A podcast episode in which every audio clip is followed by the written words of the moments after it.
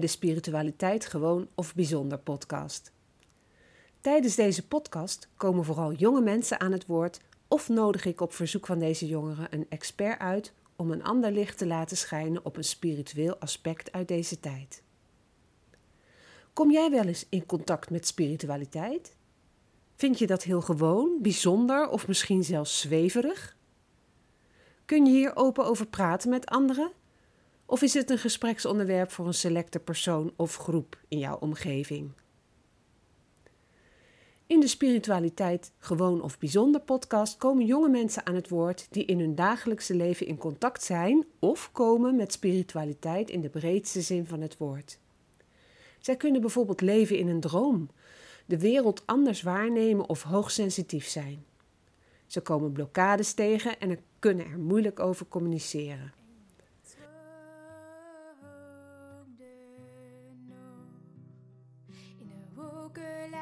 Dromen, daarboven in je hoofd kun je alles wat je wil nu zien zoals je hoopt. Knisperende bladeren, zwevend op de lucht en vliegensvrije vogels zijn nooit meer op de vlucht. En je droomt. Laten we luisteren naar, de, naar het verhaal van Luc.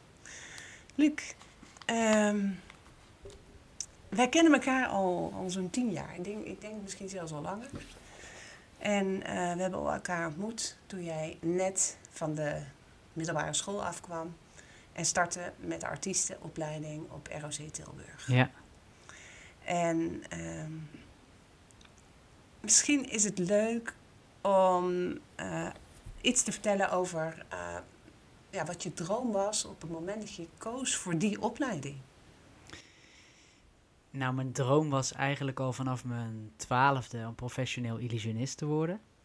Dus ik stond altijd al op te treden als kind in de woonkamer, ook al toen ik heel jong was. En toen ik op mijn tiende een goocheldoos kreeg, werd ik daar zo door gegrepen dat ik eigenlijk, eh, nou ja, voelde van wow, als je mensen zo kunt verwonderen op zo'n manier. Die verwondering, dat is natuurlijk een hele bijzondere emotie. En ik vind dat verwondering in het dagelijks leven nogal eens ontbreekt hier in de westerse maatschappij. En ik zag heel erg dat in mijn werk gelijk, het moment dat ik iets deed, wat verwonderde, dan gingen de ogen wijd open en dan kwam er een soort van verbazing en een, een lach en een, nou ja, alsof je weer even magie ziet, zeg maar. En dat vond ik zelf altijd heel leuk om dat in het leven op te zoeken, de magie op te zoeken. Dus dat gevoel gaf ik, wilde ik mensen ook geven en daarom eh, wilde ik daar mijn beroep van maken. En eh, toen ben ik vervolgens, toen ik van mijn eh, school klaar was, van mijn middelbare school, ja, wilde ik daarin gaan werken. Maar mijn moeder zei wel van, nou, het is wel goed als je nog een extra houvast hebt, een soort van backup. Dat je op meerdere gebieden wat onderlegd bent, zodat je altijd iets hebt om op terug te vallen. En toen heeft ze samen met mij gezocht. En de school die het beste bij me aansloot was de school in Tilburg, opleiding artiesten inderdaad. Waar ik dus leerde om naast eh, presenteren ook te dansen en te zingen en te acteren. En daar kwam eigenlijk een heel scala aan podiumkunsten bij elkaar. eh, waar ik eh, uit heel veel vaatjes kon tappen om nog extra kennis op te doen. Om uiteindelijk. en een netwerk op te bouwen om uiteindelijk mijn droom waar te maken. Ja. Ja. Nou, ik heb het proces natuurlijk van heel dichtbij kunnen zien. En ik heb je ook een aantal keren zien optreden. Eh, dat, dat magische gevoel, hè, wat, je, wat je zelf ervoer als je als kind eh, hè, eh, keek naar illusionisten of naar goochelaar of wat dan ook. Eh, wat je wilde eigenlijk bezorgen aan anderen. Ehm, was dat voldoende voor jou om, om in dit vak aan, het, aan de gang te gaan? Op het begin wel. Ja, op het begin was het. Was mijn droom gewoon. ehm, nou, om net zoals Hans Klok op het podium te staan schitteren. En eh, toen ik. ehm, toen ik op mijn vijftiende meedeed in Holland Got Talent, toen had ik voor het eerst echt een ervaring van. Toen keken er, ik geloof, anderhalf miljoen mensen. In de halve finale stond ik. En toen had ik echt voor het eerst een ervaring van: wow. Weet je wel, wat een impact kun je maken. En ehm, de reacties daarop waren zo groot. Zeker voor mij als 15-jarig jongetje. Ik liep door de middelbare school en iedereen, hé, hey, daar is die jongen van, eh, weet je wel. dat gaf natuurlijk een enorme boost. En achteraf ben ik er ook wel achter gekomen dat het niet alleen een boost gaf eh, als een drive om door te gaan, maar het was ook een ego-boost. Het was ook een boost om gezien te worden. Hm. En ehm, later ben ik wel achtergekomen dat ik ook deels op het podium stond om gezien en gehoord te worden vooral. Is het zo? Ja, 100 procent. Hm. Zeker. Ja. Zeker om bevestiging te krijgen. Dus elke keer naar het podium toe gaan en dan op het podium staan gaf ook een soort van kick. Ook de zenuwen van tevoren om daar dan te gaan staan. Ik was ook heel erg bezig met, met, de vorm ervan. Dus hoe ik eruit zag, eh, hoe ik overkwam, hoe ik sprak, hoe ik deed. Dat was heel erg op vorm gebaseerd ook. Hm. Buitenkant. Heel erg buitenkant, heel erg een masker. En dat had ik heel erg geperfectioneerd. Mhm. Ehm, Terwijl je ook zegt dat die binnenkant heel erg aan het werk was. Eh, voordat je Ja. het podium Ja, maar dat was nog meer op een onbewust niveau. Ja. Dus hoe verder ik ging, hoe meer ik bezig ging met... oké, ik ben nu aan het goochelen, aan het optreden... maar waarom laat ik nou iets verdwijnen? Of waarom verwonder ik nou mensen? Of waarom is dat nou de basisemotie waar ik meer dan... nou ja, 18 jaar heb ik het gedaan, want ik ben er inmiddels mee gestopt. Mhm. Maar waarom heb ik daar nou... waarom is dat nou het belangrijkste in mijn, eh, in mijn leven... Om, om daarmee bezig te zijn? Ja. Dus daar, daar kwam langzaam de inhoud in. Maar het begon heel erg op vorm. En vooral het bekend, bekend zijn op televisie komen. Later ook programma's presenteren op televisie. En theatershows maken. En dat, dat, dat was ook een bepaalde... Ja, een bepaalde drang om gezien en gehoord te worden. Ja. Wat weer uiteindelijk terug te herleiden is naar natuurlijk gezien worden door je ouders. Ja. Dat is de basis, denk ik. Ja. Ja. Ja. Is daar iets gebeurd waarvan je zegt van, achteraf van... Oh, ehm, ik heb nu begrepen dat dat heeft te maken met een bepaalde situatie... of een bepaalde Zeker. manier van eh, Ja, zeker. ja, jeugd doorvoelen of wat dan ook. Ja, Ja? zeker. Ja, ja het, is, het is een vrij gecompliceerd eh, geheel. Dus er zijn heel veel factoren die meespelen. Ehm, dus als ik het nu moet gaan uitleggen, merk ik van oeh, dan is het voor mij nog een soort van hele grote brei die ik dan moet gaan uitleggen. Maar Mhm. als ik naar de basis terug ga, is het eigenlijk dat eh, als jongetje was ik altijd heel erg aandacht aan het vragen. Dus kijk eens papa, kijk eens mama, kijk eens wat ik kan, kijk eens wat ik doe, kijk eens zo. En naast dat ik natuurlijk gewoon aangeboren talenten heb om mezelf tot expressie te brengen en daarmee mezelf het beste voel. Dat zijn mijn talenten ook. Eh, maar er was ook een heel erg eh, noodzaak om gezien te worden. En vooral op eh, gevoelsniveau. Dus mijn, mijn, zeg maar, mijn ouders zijn allebei universitair geschoold. Eh, en zijn allebei ook op latere leeftijd hebben ze kinderen gekregen. Dus ze waren al wat verder in hun ontwikkeling, zeg maar. Ehm, en zij waren redelijk serieus ingesteld. Dus bij ons thuis was het ook redelijk serieus. Er werden weinig grapjes gemaakt. Er werd weinig eh gelot of ge- gespeeld met elkaar, zeg maar. Het waren redelijk serieus. En daar, ik kwam daar en ik was heel speels. En ik wilde gewoon, weet je wel, en ik wilde wauw, wauw, wauw. En Mhm. vooral heel erg, eh, eh, heel erg explosief. Ik wilde echt voelen en ik wilde het meemaken. En ik wilde Mm. het, weet je wel, de volle actie in. En mijn ouders waren Mm. redelijk rustig. Mijn zusje Mhm. ook redelijk rustig. Dus ik voelde me altijd daar een soort van gekke eend. En ook eh, was ik heel erg gevoelig. Dus ik voelde heel veel dingen aan. Maar die werden dan niet... eh dat konden dan niet zijn, zeg maar. Ja. Omdat zij zelf niet met hun gevoel in contact stonden op dat niveau. En ik was heel erg gevoelig als kind. Ja. En dat gevoel moest eruit. Dus daarom ging ik extra tot expressie brengen wat ik dan van binnen voelde. In de hoop dat het dan door hun werd gezien. En dat zij dan zeiden van, ja jongen, goed bezig. Of ja, Ja. ik zie je, ik hoor je, ik voel je. En gebeurde dat? En dat gebeurde juist niet. Dus waar, waar, waar, als ik ging optreden, of als ik iets deed, dan, dan eh, heel vaak kreeg ik al gelijk, meestal van mijn moeder. Mijn vader was wat meer op de achtergrond in, in onze opvoeding. Eh, die gaf mij vaak gelijk eh, opbouwende feedback. Ja, ik zag dat. Of ja, nee, ik weet hoe dit zit. Of ja, misschien kun je dit of dat of dat. Eh, hè, positief om mij te helpen. Mhm. Maar wat ik eigenlijk gewoon wilde is gewoon... hey, wauw, geweldig, wat goed, Ja. wat leuk. Ja. Te gek man, wat je doet. Dat. Ja. En dus als je dat dus niet krijgt thuis... dan ga je dat op een andere plek zoeken. En dat Ja. ben ik dus gaan doen. Ik ben dus op andere plekken... Nou, toen ik op het eerste kinderfeestje ging optreden... En iedereen was helemaal ondersteboven. Die ouders, oh geweldig wat je hebt gedaan. En hier heb je 10 euro. En weet je wel, dan, Ja. dan voel je opeens van, oh, wow. Weet je wel, ik sta in het midden van de schijnwerpers. Iedereen kijkt naar me. Ik doe dingen die mensen niet snappen. Dus ze vinden me ook nog eens bijzonder. Ja. Ja, dat, dat is gewoon een Dus soort dat, van dat, drug. dat voldeed eigenlijk aan jouw behoeften. ja, daarmee werd die, werd die leegte ingevuld. Ja. Alleen hoe verder ik kwam in mijn leven, eh, hoe meer ik realiseerde dat die leegte er was. En dat ik de hele tijd zelf ook die leegte aan het opvullen was. En hoe meer ik dat in de gaten had, hoe minder het me, eh, hoe minder het me gaf. Dus hoe meer ik, hoe meer ik ook eh, op zoek moest gaan naar wat me dan wel die invulling zou geven. Dus, dus ik werd steeds minder geïnteresseerd in het echt doen van een trucje. Hm. Want het is eigenlijk de hele tijd mensen voor de gek houden. En ik wilde steeds meer naar de waarheid en naar het gevoel toe. Ja. En, en dat ging botsen met elkaar. Ja. Dus op een gegeven moment. Dus eigenlijk toen jij je diploma had gehaald, je, je was artiest officieel, hè, met, een, met een papiertje, Mhm. eh, kan, je- dan kon je eigenlijk een, een baan gaan zoeken. Nou ja, als, als goochelaar of illusionist ga je niet bij een bedrijf werken. Eh, maar je, kun- je kunt gaan zoeken naar, eh, naar mogelijkheden om dat vak verder uit te oefenen. Ben je daar nog mee bezig geweest, heel bewust? Of heb je toen al stapjes terug gedaan? Op welk moment? Nou, toen je net terug, eh, net eh, je diploma had gehaald. Nee, toen ik net mijn diploma had gehaald, toen ging ik de wijde wereld in. Toen was ik juist van, nou, ik stond in de startblokken. Ik had mijn netwerk opgebouwd. Ik had veel ervaring opgedaan. Ik was al ZZP'er, maar ik had dat voornamelijk het opbouwen, echt grotere klussen opgebouwd tijdens, het, eh, tijdens mijn schoolperiode. Dus eh, waar andere studenten zeg maar na school gewoon thuis op de bank gingen zitten en de tv aanzetten, bij wijze van spreken, was ik elke avond aan het repeteren en shows aan het geven. Hm. Ehm, en toen ik eenmaal 21 was en van die school afging, nou, toen, toen was het gewoon, eh, toen lag de wereld aan mijn voeten, zeg Ja. maar. Dus toen ging ik. Ja, want je bent, bent ook in contact geweest met Amerika, meen ik me te herinneren. Mhm.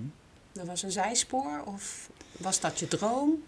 Nou, meerdere keren ben ik daar geweest. Eén keer om op te treden, één keer voor een awardshow met mijn toenmalige coach. Ehm, en ik ben op een gegeven moment een manager tegengekomen. Een paar jaar geleden, ja, dat is wel. Toen was ik 23. Eh dat was eh, een hele grote artiestenmanager uit Londen. En die, ehm, die, eh, nou, die, managede, die heeft grote artiesten als Robbie Williams en zo gemanaged. En die kwam ik via via opeens tegen. En die zei van, joh Luc, eh, ik wil jou wel gaan managen en eh, kom maar naar Londen, gaan een plan maken. Nou, ik ben naartoe geweest en toen was het van, ja, je wordt de nieuwe David Copperfield. We gaan jou helemaal groot maken, billboards, dit en dat. Je krijgt de grootste show. Hij had al het domein aan thegreatestshowOnEarth.com gekocht. Zo groot dacht hij. En dat zette me natuurlijk even in vuur en vlam. Want als iemand anders van buitenaf Kijk, mijn ouders zijn heel nuchter natuurlijk. En het is altijd tot het tegendeel bewezen is, bij wijze van spreken. Maar hij zei gewoon, nee jongen, je wordt gewoon... Wat, wat is het grootste wat we kunnen laten verdwijnen? De maan? Nou, we gaan we een plan voor verzinnen. Weet je wel, dan, dan wordt je creativiteit en ja, je vuur wordt opeens zo hoog. Want je denkt van, ja, nu gaat het gebeuren. Nu word ik echt... Nu gaat mijn droom werkelijkheid worden. Ja. En dat was dus ook mijn droom. Ik wilde echt wereldwijd heel groots eh, optreden. Maar ja, de stap van waar ik stond naar waar hij naartoe wilde, dat was zo'n grote. Er waren nog tussenstapjes tussen. Dus ik kon helemaal niet maintainen dat ik op dat level met hem was. Dus dat is uiteindelijk heb ik moeten stopzetten, omdat ik gewoon voelde van nee, dit gaat, dit gaat gewoon niet goed, weet je wel. Ik verkoop mijn ziel aan deze man. Hm. En hij was ook niet op mij gericht, maar vooral op mijn talent. Dus Ja. dat voelde niet goed. En op het da- daarbij behorende geld waarschijnlijk. Ja, ik moest ook een heel flink bedrag eh, aan hem gaan afstaan. Oh ja. Ja. ja. Ja. Dus dat was eh, einde spoor. Van dat spoor, ja. Einde droom ook. Nee, want de droom bleef staan. En steeds, er zijn steeds momenten geweest in mijn carrière dat ik, dat ik even mocht proeven aan het succes. Of dat ik samen met, eh met Ger Kopper, mijn oude coach, een hele goede vriend, samen een act had gemaakt waarmee we in de, nou ja, de grootste magic show op dit moment mochten optreden. Penn and Teller heet dat in Amerika, in eh, Las Vegas, in een groot casino. Ehm, wordt in heel Amerika uitgezonden. Dat, dat was echt een moment waarop we samen daar naartoe vlogen. Waarop we even dat gevoel hadden van wow. Nu zijn we even op het leveltje, weet je wel. We kunnen misschien hier een heel groot ding gaan maken. Ja. Maar steeds als ik op dat level kwam, of steeds als ik een televisieprogramma mocht presenteren, of steeds als ik een aanbod kreeg voor een eigen programma, of steeds op het laatste moment dan gebeurde er net weer even iets waardoor het niet doorging. Ja. Er was net even weer zo'n, weet je wel, dan was ik even zo Dan voelde ik even zo van, oh, nu gaat het vliegtuig omhoog. En dan nee, voem. Dan Ja. zakte ik weer terug. kwam het in een luchtzak terecht. Ja, ja. En Ja. Dat, was, dat is wel heel typerend. Dat ik heel veel net, net niet heb gehad. Zeg maar. Ik was er altijd wel, maar net niet. Net niet wat ik wilde bereiken. Terwijl er zijn ook menig eh, jongeren die naar mij keken. Die dachten van, holy shit, wat die Luc aan het doen is. Dat wil ik ook, weet je wel. Ja. Dus het is ook maar net wat, met welke eh, graadmeter meet je. Kan, kan het zo zijn dat je jouw graadmeter echt van binnen zat? In de binnenwereld. uiteindelijk was het belangrijkste, toen ik dat aan het doen was, ook al met die manager, was eigenlijk mijn doel om mijn, eh, mijn eigen waarheid te verspreiden. Helemaal niet meer om een trucje te doen, maar om kennis over bewustzijn te verspreiden, omdat ik daar al sinds mijn 18e mee bezig was. En dat was eigenlijk de grootste, de, de grootste drive om het te doen. En de grootste drive ook om mezelf daar eh, te profileren. Om, om aan zoveel mogelijk mensen te laten weten van... hé, hey, ga eens naar binnen kijken, ga eens naar jezelf kijken. Ga eens met Mm. jezelf in contact. Wat, wat speelt er nou van binnen in je leven? Ben je gelukkig of niet? En als je niet gelukkig bent, hoe komt dat dan? Ja. En wat kan je daaraan doen? Ja. Eh, dus ik was heel veel met spiritualiteit bezig en, en dat gaf me ook de passie. Alleen, ik realiseerde me later van... eh goochelen is een trucje doen, is iemand voor de gek houden. En als ik ga goochelen en ik word gepresenteerd als illusionist of hoe dan ook... dan, dan kijken mensen gelijk al sceptisch. Ze voelen gelijk al, oeh, ik moet achterover gaan zitten. Ik moet even mezelf afsluiten, want ik wil niet bedot worden. Terwijl ik wilde juist echt van, mijn ha- van hart tot hart iets brengen. Ja. Dus dat, die waarheid klopte niet met de illusie, snap je? Ja. Ik ga ze eerst bedotten en vervolgens iets over de waarheid vertellen, dat, dat matcht niet. Nee. Dus dan ben ik heel veel jaren echt in een soort van tweestrijd geweest van hoe moet dat nou? En afgelopen jaar, tijdens de lockdown, en ik wist al dat het eraan zat te komen, maar toen voelde ik echt van nou is de knoop, moet ik de knoop doorhakken. Nu stop ik met optreden, met goochelen. Ik stop helemaal met, ik ga geen truc meer doen. Hm. Nu ga ik me echt richten op wat ik echt kom doen hier. Ja. En, en, en daarmee ook, ik heb nu zoveel geprocessed, hè, zoveel, eh, zoveel ehm, begeleiding gehad in mijn proces om te kijken naar dat stukje van gezien, gezien willen worden, waar dat dan in zit. En zoveel daarop gevoeld en zoveel daarmee eh, kunnen doorvoelen, dat ik ook niet meer de behoefte heb om gezien te worden, gek genoeg. Nee. Op het gebied van dat ik bevestiging nodig heb. Wel Mhm. op het gebied dat ik voel dat mijn talent, dat ik met, dat mijn talent eh, kan shinen, want daarmee kan ik wel mijn boodschap vertellen. En wat, wat is dan dat talent van jou? Nou, ik denk dat ik heel. Ik kan heel makkelijk contact maken met mijn eigen gevoelsleven. Ik kan ook heel makkelijk contact maken met het gevoelsleven van andere mensen. Dus ik voel ook heel makkelijk als iemand. Je voor, iemand zit tegenover me en die heeft, die heeft verdriet. Dan voel ik dat gelijk. Dan internaliseer ik dat, als het ware. Dus dan. Alsof ik het, alsof ik het meebeleef. Als het, eh, ja, zo. Ehm, maar daarnaast ben ik ook al heel lang bezig met, nou, wat speelt er nou op aarde? Wat komen we hier nou doen? Wat is nou mijn missie? Wat is nou de bedoeling van dit leven, als het ware? En daar ben ik zoveel in gedoken en daar heb ik zoveel eh, onderzoek naar gedaan en vooral ook heel veel eh, op gemediteerd en heel veel dingen onderzocht. En uiteindelijk weet ik nu dat mijn talent is dat ik dus dat op een crea- creatieve manier kan vormgeven, zodat het bij mensen kan komen. Dus ik kan denk ik mensen aanspreken op hun gevoel door mijn talenten in te zetten, namelijk eh, door eh, middel van gesprek, presentatie, eh, door te zingen. Ik ben ook een album aan het maken, muziek aan het maken. Ehm, dus alle, voor allerlei vormen van, of video's editen, allerlei vormen van creatief werk, waarin ik dan die boodschap verpak. Ja. ja. Ja. Ehm, even kijken hoor, want eh, als ik jouw verhaal hoor, dan, dan komen er honderdduizend vragen bij mij eh, omhoog. Maar wat is dan de, de beste vraag om te stellen? Hè? Ehm, je hebt het over de reden waarom je ehm, geboren bent hier in, in dit leven. Mhm. En wat de kwaliteiten zijn en hoe je met die kwaliteiten kunt vormgeven. Dat, dat is eigenlijk de, de, strekking van je verhaal.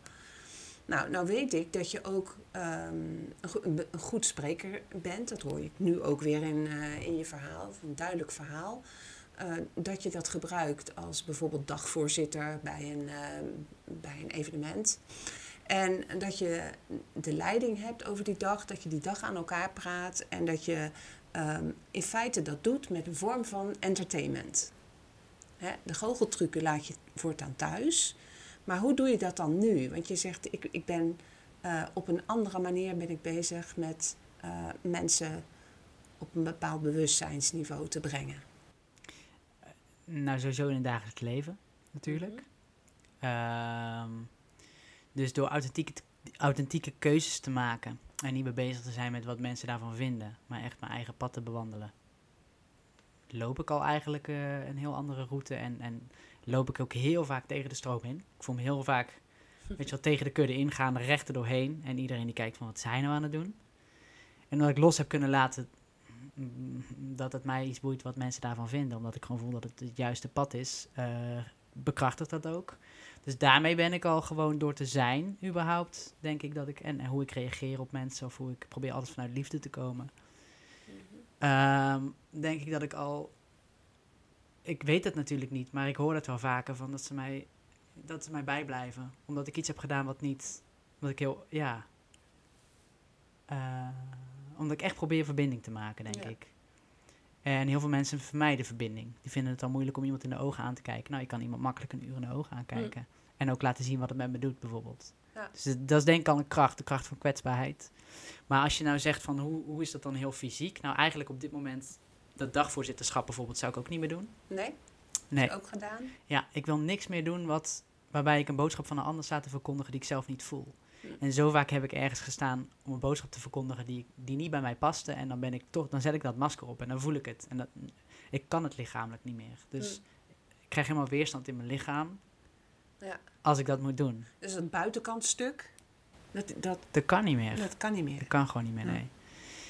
En nou, nu ben ik bijvoorbeeld muziek aan het maken. Dus ik ben aan het werken aan een album. En daar krijg ik heel veel energie van. Ik ben eh, de reis door de chakra's. De chakra's zijn je zeven energiecentra in je lichaam. En elk energiecentrum hoort bij een thema. Nou, jij weet er alles van Mhm. natuurlijk. Ehm, ik ben die thema's in mijn leven aan het uitdiepen. En daarmee ook nummers aan het schrijven. Eh. Bij elke chakra. Om uiteindelijk daarmee dus wellicht iets aan te zetten in jongeren. En omdat ik denk dat spiritualiteit best wel stoffig is heel vaak. Wordt ook vaak gezien als stoffig, maar het, wordt, Mm. het is ook vaak heel stoffig. Ga maar eens kijken wat voor mensen met spiritualiteit bezig zijn. Het zijn vooral oudere mensen. Het zijn vooral hè, Mm. standaard denk je geitenwolle sokken en Mm. eh, een beetje zweverig, et cetera. Maar staan, spiritualiteit is eigenlijk heel aards. Ja. Weet je wel, als je, als je het, het spiritualiteit gaat over toepassen... eh, wat jouw gevoel jou zegt, hier op, aarde- je moet het hier op aarde doen. Je kan wel gaan zitten mediteren op een berg. is ook heel mooi, als dat voor je proces dienend is. Maar het gaat erom dat je hier in het dagelijks leven, ook als je naar je werk gaat, als je op school zit, als je, daar moet je, daar, daar hebben we te doen. Ja. Dus Dus Ik- eigenlijk, jij zegt precies wat, wat voor mij dan als, eh, als basisreden is om deze podcast te gaan maken. Omdat ik dat spiritualiteitsstukje, hè, wat er altijd een beetje eh, een soort zweverigheid eh, met zich meebracht, eh, om dat in deze tijd te zetten. Hè, daarom is het spiritualiteit. Het, Ja. het woord tijd is veranderd. En het is heel normaal. Het is niet meer bijzonder. Het is pas aards op het moment dat je erbij kan en dat je bij, ehm, bij jouw kwaliteiten kunt en dat je kunt zien wat je kunt doen om je te verbinden met alles wat er al is. Ja, en, ja, en, en veel mensen denken bij spiritualiteit aan zweverige dingen. En dat gaat natuurlijk over je hogere chakra's. Het gaat over, eh, nou weet ik veel, contact maken met het universum of met God of wat het met jou is. Ja. Ja. Maar in deze fase van mijn leven op dit moment is spiritualiteit echt met mijn poten in de klei zwoegen. En ik voel echt, oh, ik ga door een modder heen, jongen. Ik, kom, ik moet echt zwoegen om er doorheen te gaan, zeg maar. Ik ben echt helemaal bij mijn core bezig, bij mijn basisstuk van onveiligheid van vroeger en mijn fight-or-flight reactie. En ik heb natuurlijk ook onlangs een kind gekregen. Ja, die spiegelt heel erg in mij, weet je wel. Haar behoefte is heel erg basic. Ja. Heel erg van, ik moet overleven. En als ik honger heb, dan moet ik schreeuwen, want anders krijg ik geen eten. Hm. Dus, en dat spiegelt heel erg in mij weer, wat er in mij nog zit op, dat, op, op, dat chak, op de onderste chakra. Ik praat heel veel in chakra's. Ja. Ehm, dus, dus dat is echt heel interessant. En het gaat nu ook echt over, weet je, je krijgt een kind. Ik was eerst ook heel erg van, oh, ik kon even daar naartoe en even daar. En ik ging op een dag naar vijf afspraken, nog even bellen met die en lekker een theetje daar. Dat is er nu niet meer van, dat kan gewoon niet meer, weet je. Mijn lichaam zegt gewoon, nee, hier, op de plaats Hier rust. Je moet hier gaan bouwen. Ja. Eerst bouwen, eerst, eerst, eerst de basis bouwen. Ja. En dan kan je weer naar boven gaan werken. Eh, even voor de luisteraar die niet weet wat chakras zijn. Misschien is dat even handig uit te leggen. Ja. Zal ik dat doen? Ja. Graag. Nou, we we bestaan uit energie. Ons lichaam bestaat uit energie. Hè? Dat is volgens de wetenschap ook al lang duidelijk. Eh, en die energie die wordt gekanaliseerd in ons lichaam. En, en er zijn zeven, er zijn er wel meer, maar er zijn zeven basisplekken. Dus zeg maar, ja, hoe kun je het omschrijven? Als een soort van roterende wielen van energie in je lichaam. Eh, die zitten verbonden aan een klier. Zeven belangrijke klieren in je lichaam. Bijvoorbeeld in je hoofd eh, heb je een pijnappelklier. Die zit in het midden van je hersenen. Dat is ook het derde oog volgens de Egyptenaren. En de pijnappelklier is bijvoorbeeld eh, je, je zesde chakra. En die gaat over helderziendheid, over helder zien. Nou, en elk, elk chakra, dus ze zitten opgebouwd door je lichaam, zeven chakra's, ook allemaal een kleur aan verbonden en een klank aan verbonden. Ehm, die, die chakra's, die energie, ehm, bronnen als het ware, die, kunnen, die zijn aan het draaien. En die kunnen of in balans zijn. En als ze in balans zijn, dan kan de energie goed door je lichaam heen stromen. Dan voel je je ook fijn, dan voel je je ook opgewekt. Dan kan je, zit je vol levensenergie en dan stroomt het in je leven. Maar soms dan, dan, dan, dan, dan kom je maar niet verder in je leven. Of je zit op een bepaald thema, of je ervaart heel veel verdriet, maar je weet maar niet wat het is, et cetera. En dan kan het zomaar eens zijn dat een van die chakras uit balans is. Dus een chakra kan overactief zijn, waarbij, er, eh, waarbij je eh, bijvoorbeeld, stel je voor dat je een overactief keelchakra hebt, bij je keel zit ook een chakra, dan ben je waarschijnlijk zoveel aan het zenden, zoveel aan het uitspreken, zoveel aan het zenden, dat je, niet, dat je niet genoeg aan het luisteren bent. Dan kan het ook bijvoorbeeld zijn dat je vaak last hebt van keelpijn. Of dat je een, want het, eh, de klier die erbij zit, het is de schildklier. Als die schildklier overactief is, dan ben je heel moe. Dan ben je vaak heel moe, maar dan ga je in de overdrive. Dus dan ben je vaak in energie, ben je vaak heel druk, druk, druk, druk, druk, druk. En dan krijg je een, dan krijg je een collapse. Dus dan ben je opeens heel moe. En weet je niet meer wat je moet doen. En dan kan je een pilletje voor nemen. En dan kan je van allerlei dingen voor nemen. Maar als je naar het thema gaat kijken van... hé, hey, waarom moet ik nou zoveel zenden? Of waarom ben ik nou zo druk? Dan zit er altijd een reden achter. En dan zit er meestal een trauma achter wat nog geheeld moet worden. Dus op al die thema's zit ook een, eh, nou ja, een bijpassende thematiek. Hm. Op al die chakra's. Ja. Eh, bijvoorbeeld je basischakra gaat over veiligheid. Nou, als jij je heel veilig voelt, je hebt een veilige hechting gehad met je ouders tijdens de geboorte, je hebt een fijne jeugd gehad, je bent ondersteund, je hebt vertrouwen gekregen, dan zit het meestal wel goed. Maar het kan ook zomaar eens zijn dat jij heel veel trauma's en heel veel heftige dingen hebt meegemaakt in je jeugd, of je bent opgegroeid zonder ouders, of nou, dan, dan ben je zo onveilig in de basis. Dan kan je niet rustig zitten, want dan ben je altijd, wordt er iets in je lichaam getriggerd van, ook moet een behoede zijn, of oh, ik, weet je wel, de, de, ja, nou ja, lang verhaal kort. Ja, nee, maar ik vind het een duidelijk verhaal. Is een klein beetje een uitleg van, eh, van hoe dat werkt. En daar kun je dus mee werken. Dus je kunt erop mediteren. Je kunt er ook, eh, er zijn hele lesprogramma's te volgen. Om bij elk thema te gaan kijken van hoe zit dat bij mezelf? Voel ik me veilig in mezelf? Eh, nou, et cetera, et cetera. Die chakra's zijn ook gekoppeld aan kleuren. Ja. En eh, daar komen we later misschien nog op terug. Ik, eh, ik weet niet hoeveel tijd we hebben natuurlijk voor deze podcast. We zitten ondertussen op een half uur. Vind je het interessant om op dit moment eh, de tarotkaart te gaan bekijken die je hebt getrokken? Keer de kaart maar om. Je hebt hem bewust nog niet bekeken. Haha, de dwaas. Dat is een mooie. De dwaas. Ja. Is de eerste kaart uit de grote arcana Ja. van, eh, van het spel. Ja. Beschrijf maar even wat je ziet. ja, ik vind het wel heel typerend dat ik die trek. Ja. Heel grappig, want het is precies waar ik sta in Mm. mijn leven. Ja, wat zie ik? Ik zie een, eh, ik zie een kind. Een kind in een groen, eh, een groen ja, outfit. Met een tamboerijn in de handen. En eh, dansend op een eh, regenboog die van boven komt, zo, die zo over het landschap heen loopt. Dus, eh, er is een groen landschap. Een soort van teletubbyland ziet het eruit. Vlinders in de lucht lavendel op de grond. En een blauwe lucht met wat wolken erachter. En ehm, Het is sowieso een kaart die heel veel joy geeft. Hm. Bij Ik mij zie dan. ook de, de glimlach op je gezicht. Ja, eh, het is wel heel grappig. Ja, het is heel grappig dat ik deze trek. Want zo voel ik me ook echt. De voel is natuurlijk de, de, de- het begin van de reis. Ja. En het is de reis van de held. En de held gaat door alle kaarten heen natuurlijk. eh, door alle grote arcana kaarten heen. Gaat hij op reis om, om, om een les te, leven, eh, te Mhm. leren. Eh, en dit is de basiskaart. Dit is de, de nulkaart. Dus de- Ja. dit is het begin. Onbezonnen. Hij heeft nog geen idee waar hij aan gaat beginnen. Hij is nog vol met goede moed. Ja. Eh, alle wegen liggen open. Hij heeft geen idee. Hij heeft misschien al een cyclus afgerond hiervoor. En hij begint weer opnieuw. Nou ja, dat nieuwe begin, dat is letterlijk nu op dit moment aan, aan de gang in mijn In jouw leven. leven. Ja.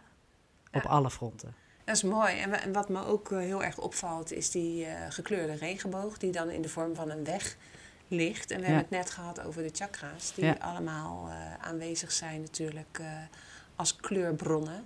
Ja. En eh, nou ja, wat, wat ik ook zie, is dat die voel, of dat spelende kind, dat hij er een feestje van maakt. Hij danst, hij Ja. maakt muziek. En met jouw verhaal van ik ben muziek aan het maken, Ja. klopt dat natuurlijk wel. Ja, heel erg, ja. Ik ben, Ja. Dat is de nieuwe weg. En Ja. ik vind dat super spannend. Weet je wel, als ik nu het podium op zou moeten gaan en mijn stem ga laten horen. En echt ga presenteren zonder dat ik een trucje heb, zonder masker, om mezelf helemaal bloot te geven. Dat is zo nieuw, maar ook zo leuk. Weet je wel, ik Mhm. voel dan helemaal in mijn, in mijn buik, voel ik helemaal zo de. Oeh, een soort van. Wow, ja, maar ook een soort van wel zenuwachtig. Weet Ja. je wel. Dus, dus ik denk dat dat iets heel goeds is. Ik denk dat is het punt waar ik uit mijn comfortzone kan stoppen. Ja. Maar dit is inderdaad, ja, klopt heel erg ook. Hè, we hebben een kind gekregen. Jeetje, mijn hele leven is echt wel radicaal veranderd. Ja, We hebben corona gekregen. Ik heb geen werk meer al anderhalf jaar. Eh, voor het eerst in mijn leven ben ik aan het lenen. Nou, Hm. had ik nooit kunnen verzinnen. Ja. Mijn vriendin die heeft net een winkel geopend uit het niks. Een spirituele winkel. We zijn op een hele andere plek gaan wonen. Ik heb, ik heb eh, 28 jaar in een bos gewoond en opeens moesten we verhuizen. En toen zijn we in Heusden terechtgekomen. Een heel andere plek weer. Alles is het nieuwe begin. Hm. En eh, nou, dus die kaart die klopt wel. ja is wel heel mooi. Ja. Ik eh, ben ook eventjes op jouw website geweest. Mhm. alchemie.nl En daar heb ik een, eh, een quote van afgehaald. Mhm. En daar heb je het eigenlijk al over gehad. Maar ik ik vind het wel leuk om daar nog even iets dieper op in te gaan. Omdat dat voor mij spiritualiteit eigenlijk ook onder woorden brengt. Hè? Er staat letterlijk, als je je binnenwereld verandert, transformeert je buitenwereld vanzelf mee. Ja. Is dat zo? Voor Gaat het wel. vanzelf? het gaat niet vanzelf. Nee. Nee, het is keihard werken. Ja, Het is knokken. Ja. Ja, voor jezelf.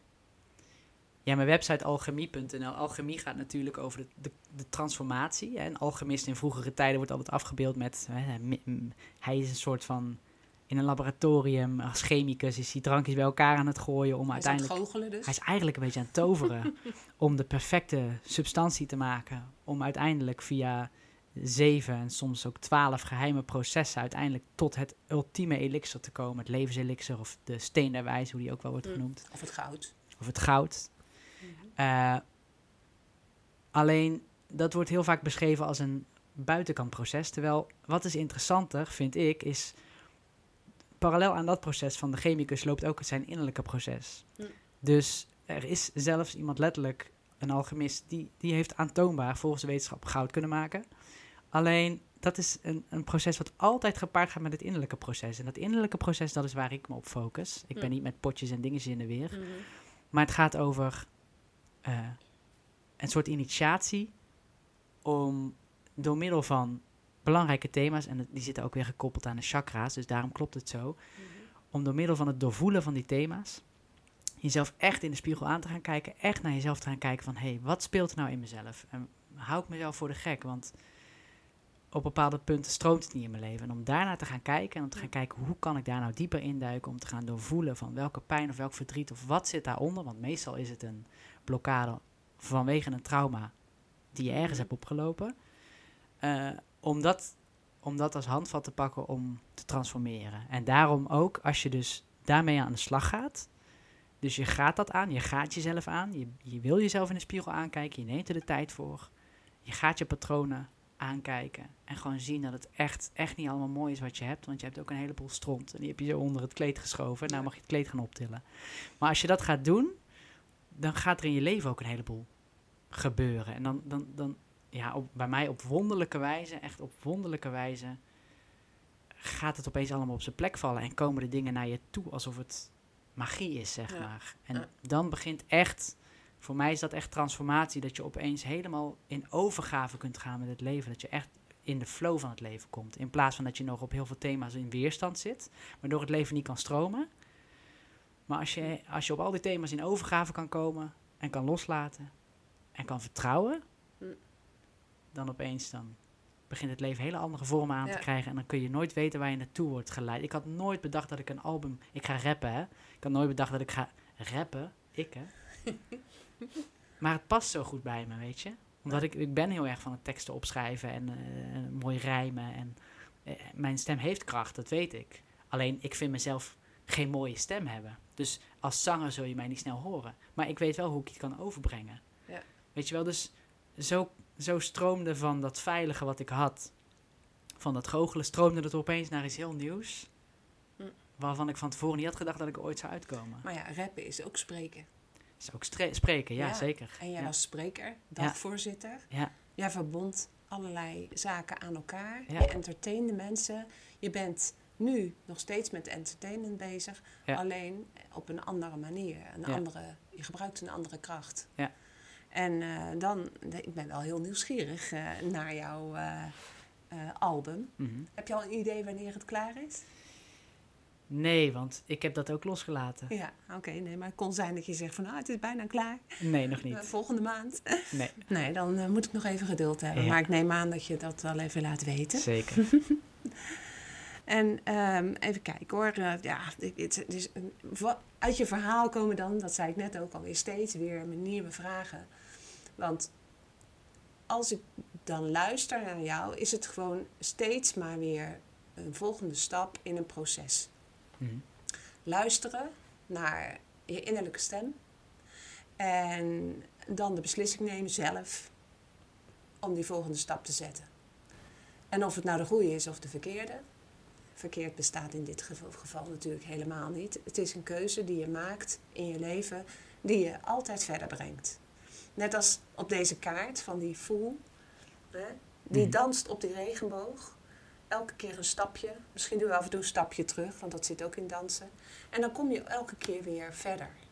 Ja. Dus dat is hartstikke mooi als je de, de- ehm, de, het verloop van de afgelopen tien jaar bekijkt van jouw leven. Dat door de keuzes die je hebt gemaakt, ben je elke keer weer een stapje verder gekomen. Ja. ja. En ben je eigenlijk, ja, die alchemist ben je wel. Je bent dat eh, goud aan het zoeken. Ja. Hè, om, om dat eventjes een beetje in een, eh, een begrijpelijke taal. Je bent het goud aan het zoeken, je hebt het nog niet gevonden, maar je bent allerlei dingen in jezelf aan het veranderen om uiteindelijk bij dat goud te komen. Nou, de grap is, ik denk dat ik het wel heb gevonden. Ja? Ja, want het goud is voor mij de wetenschap en het gevoel echt daadwerkelijk te voelen dat ik gewoon, eh, dat het gewoon helemaal goed is in een moment zoals het is. En dat is het echte goud. Het goud ligt niet nog in de toekomst, het goud is hier. Ja. Dus ik, ik dien het hier te doen. Ik Ja. dien in dit moment te voelen wat er nu belangrijk is voor mij. En dat ik nu nog niet op de plek sta op dat podium daar met mijn album, et dat maakt helemaal niks uit. Nee. Ehm, dus ik denk dat dat het goud is. Alleen dat is soms moeilijk, want dat is echt, echt ten volle aanvaarden en omarmen wat het leven op dit moment is. En soms is het leven gewoon kloten. Ja. En soms zit het gewoon helemaal tegen. En ik zit nu bijvoorbeeld ook in een burn-out. Ik ben herstellende, maar ik heb echt, ik heb het zwaarste jaar van mijn leven gehad. Maar toch ben ik, ben ik er blij mee. En dat is denk ik het goud. Weet je, als ik nu in weerstand zou zitten tegen dat, Ja. dan was ik niet aan het leven. Dan was ik aan het overleven. Je, was, je had ook kunnen kiezen om slachtoffer te zijn. Jazeker. Ja. Oh, hoeveel mensen leven niet in slachtofferschap? Maar je moet echt jezelf bij de lurven grijpen en zeggen: nee, kom op. Weet je wel? Mijn les was overgave. Mijn les was juist nu om helemaal niks te doen. Om helemaal in de ontvangstmodus te gaan staan. Om helemaal met de dag te leven. Om geen plannen meer te maken. En ik zie wel, want ik mag vertrouwen dat ik word geleid naar het punt waar ik naartoe moet. Ja. En dat geeft me heel veel rust, want ik ben veel rustiger nu. Ik ben niet meer zo gejaagd. Ik ben niet meer zo die dream chaser. Want dat hoeft niet. Want ik Ja. heb er geen... Nee, op dit moment is, hoeft dat niet. Nee. Geen, geen droom meer. Je Nee. droom is nu. Mijn droom is gewoon nu. Nu Ja. zijn. Ja. ja. En ehm, hoe oud ben je nu? 29. 29. Dus gewoon nog hartstikke jong. Ja. In die tien jaar best wel veel. Nou, we kennen elkaar dus langer. Als je Mhm. 16 was dat je op de opleiding kwam. 17 was ik. Dus we 17. kennen elkaar nu 12 In jaar. 12 jaar. Ja. Ja. Dus in die 12 jaar is er een ontzettend grote ontwikkeling en verandering eh, in jou eh, ja, gebeurd. Ja. ja. En ehm, dan heb je ehm, tijdens je goochelwerk heb je heel erg gebruik gemaakt van beïnvloedingstechnieken. Hè? Staat ook eh, ooit ergens geschreven. mhm, Vervolgens ben je gaan mediteren. mhm.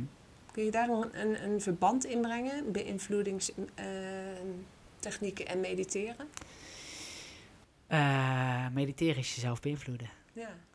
Eh, alleen bij die beïnvloedingstechnieken die ik hiervoor gebruikte, was ik uit op manipulatie van een ander. Ja. En meditatie is eigenlijk een beetje manipulatie van jezelf. Ja. ja, dus ook weer die binnenwereld en die buitenwereld. Die, dat klopt. eh, ja. dit is eigenlijk een soort verschuiving die heeft plaatsgevonden in jouzelf. ja, ik was heel erg naar buiten gericht en nu ben ik heel erg naar binnen gericht. En hoe zit het dan met illusie? Ehm, nou, de illusie, het is wakker worden uit de illusie. Dus je moet elke dag continu weer wakker worden uit de illusie. En dat zijn alle beperkende overtuigingen, alle angsten, alle dingen die de mind eh, opwerpt. eh, om, om steeds te blijven zien, hey, wanneer kom ik vanuit liefde, wanneer zit ik vanuit angst? Wanneer kom ik vanuit angst? Wanneer handel ik op angst? Ja.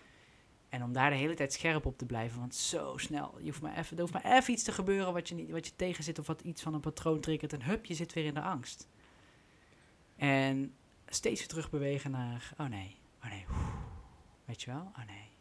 Vanuit die rust, Hm. vanuit die overvloed, vanuit dat vertrouwen, vanuit, dat, dat, is, dat is het, pff, dat is gewoon dansen. Ja. En de ene keer dan dans je even flink, eh, Ja, Uit dus, de dus die voel. ja eigenlijk Ja, ook, ja. ja. En je, je, je bent in balans als je, op- als je op beide benen staat, dus je zou continu moeten blijven Ja. bewegen. Mooi, mooie metafoor. Dus dat je het leven ziet als een dans waarin je moet blijven be- bewegen, niet gaan stilstaan. Nee. En eh, juist doordat je beweegt, kun je die balans elke keer weer herstellen. Ja. En soms moet je eens kiezen om iets meer naar rechts te gaan, andere keer iets meer naar links, naar voren of naar achter. Ja. Heel gaaf. Nou, ik, ik vind het echt een enorm boeiend verhaal. We zijn eh, lekker op dreef. Ehm, ik denk wel dat we eh, er een eind aan gaan maken, Mhm. omdat het eh, anders misschien te lang wordt. En ehm, ja, hoe jouw leven is veranderd in die afgelopen twaalf jaar, dat heb je heel mooi geschetst. Je bent voor mij nog, een, gelijk, nog steeds een jonkie. en ik hoop dat je met dit verhaal heel veel jongeren eh, hebt weten te raken en te inspireren. Als zij vragen hebben aan jou, mogen ze je dan, dan rechtstreeks benaderen? Ja. En hoe zou je dat dan het liefste willen? Nou, je gaat naar alchemie.nl en daar vind je de contactgegevens. Oké. Genoteerd, hoop ik. Oké, Luc. Nou, dan eh, dank ik je voor dit gesprek, voor dit inspirerende gesprek. Ik wens je heel veel succes. En ja, ik weet zeker dat we elkaar natuurlijk nog vaak tegenkomen. Ja. Maar ehm, heel inspirerend verhaal. En ook een mooie spiegel voor mij als eh 63-jarige ondertussen. Die eh, ja, met spiritualiteit haar hele leven een, eh, ja, zeg maar ook een proces en een gevecht eh, heeft moeten leveren om het eh, neer te zetten. Mhm. Ik ben heel dankbaar voor je gesprek en dat we dit hebben mogen doen. Nou, mooi. Ik ook. Ik vond het hartstikke leuk. Oké? Heb je nou zelf een verhaal wat je wilt delen? Dan nodig ik je uit om een mail te sturen naar jolandahelverstein.gmail.com En dan is Helverstein met E lange ei. Ook kun je voor verdere informatie een bezoek brengen aan mijn website jolandahelverstein.com. Graag tot een volgende keer. Sluit je ogen maar, doe ze zachtjes toe en droom dan maar zacht. De boze dingen uit jouw